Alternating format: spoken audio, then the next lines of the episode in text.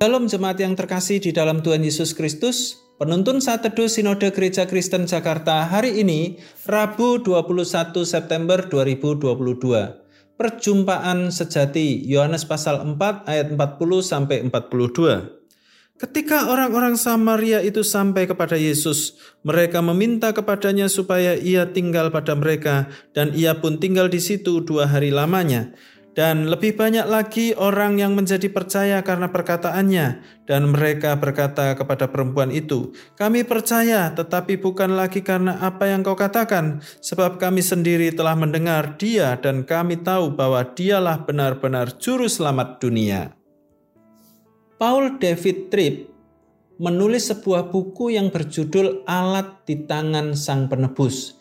Ia menekankan bahwa setiap anak Tuhan bisa menjadi alat atau sarana untuk membawa kabar baik keselamatan kepada orang lain. Tujuannya adalah agar jiwa-jiwa mengalami perubahan karena Injil Kristus. Urgensi peran kita adalah menjadi sarana untuk membawa orang berjumpa dengan Sang Penebus, Yesus Kristus. Peran yang begitu penting dengan tujuan yang begitu mulia kiranya mendorong kita untuk menggunakan setiap aspek hidup kita. Kita dapat menggunakan talenta, waktu, dan energi untuk menolong orang lain berjumpa dengan Kristus. Dalam nas renungan hari ini menjelaskan seorang perempuan Samaria yang menjadi alat Tuhan yang efektif setelah dirinya berjumpa dengan Yesus. Proses perjumpaan seseorang dengan Yesus tidaklah selalu persis sama, ada kalanya bisa melalui proses yang panjang atau waktu yang singkat. Sama halnya dengan wanita Samaria, ia berjumpa dengan Yesus di sumur Yakub pada satu waktu.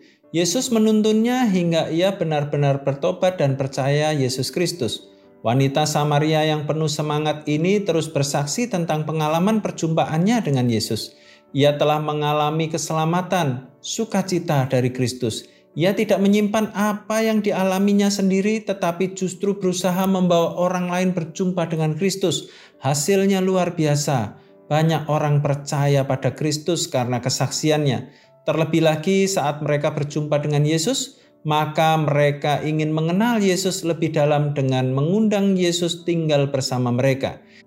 Yohanes menutup kisah ini dengan menyatakan, lebih banyak orang percaya pada Yesus Kristus karena kesaksian Yesus Kristus. Artinya mereka benar-benar mempunyai pengalaman perjumpaan sejati dengan Yesus. Awalnya mulai mengenal Yesus lewat orang lain, kemudian mengenal langsung dengan Yesus. Setiap orang bisa menjadi alat Tuhan untuk membawa orang lain berjumpa dan mengenal Yesus Kristus. Seberapa dalam pengenalan kita akan Kristus menentukan seberapa serius kita menjadi saksinya bagi perjumpaan orang lain dengan Kristus. Sebab itu, marilah kita menjadikan hidup kita sebagai alat untuk membawa orang lain mengalami perjumpaan dengan Kristus.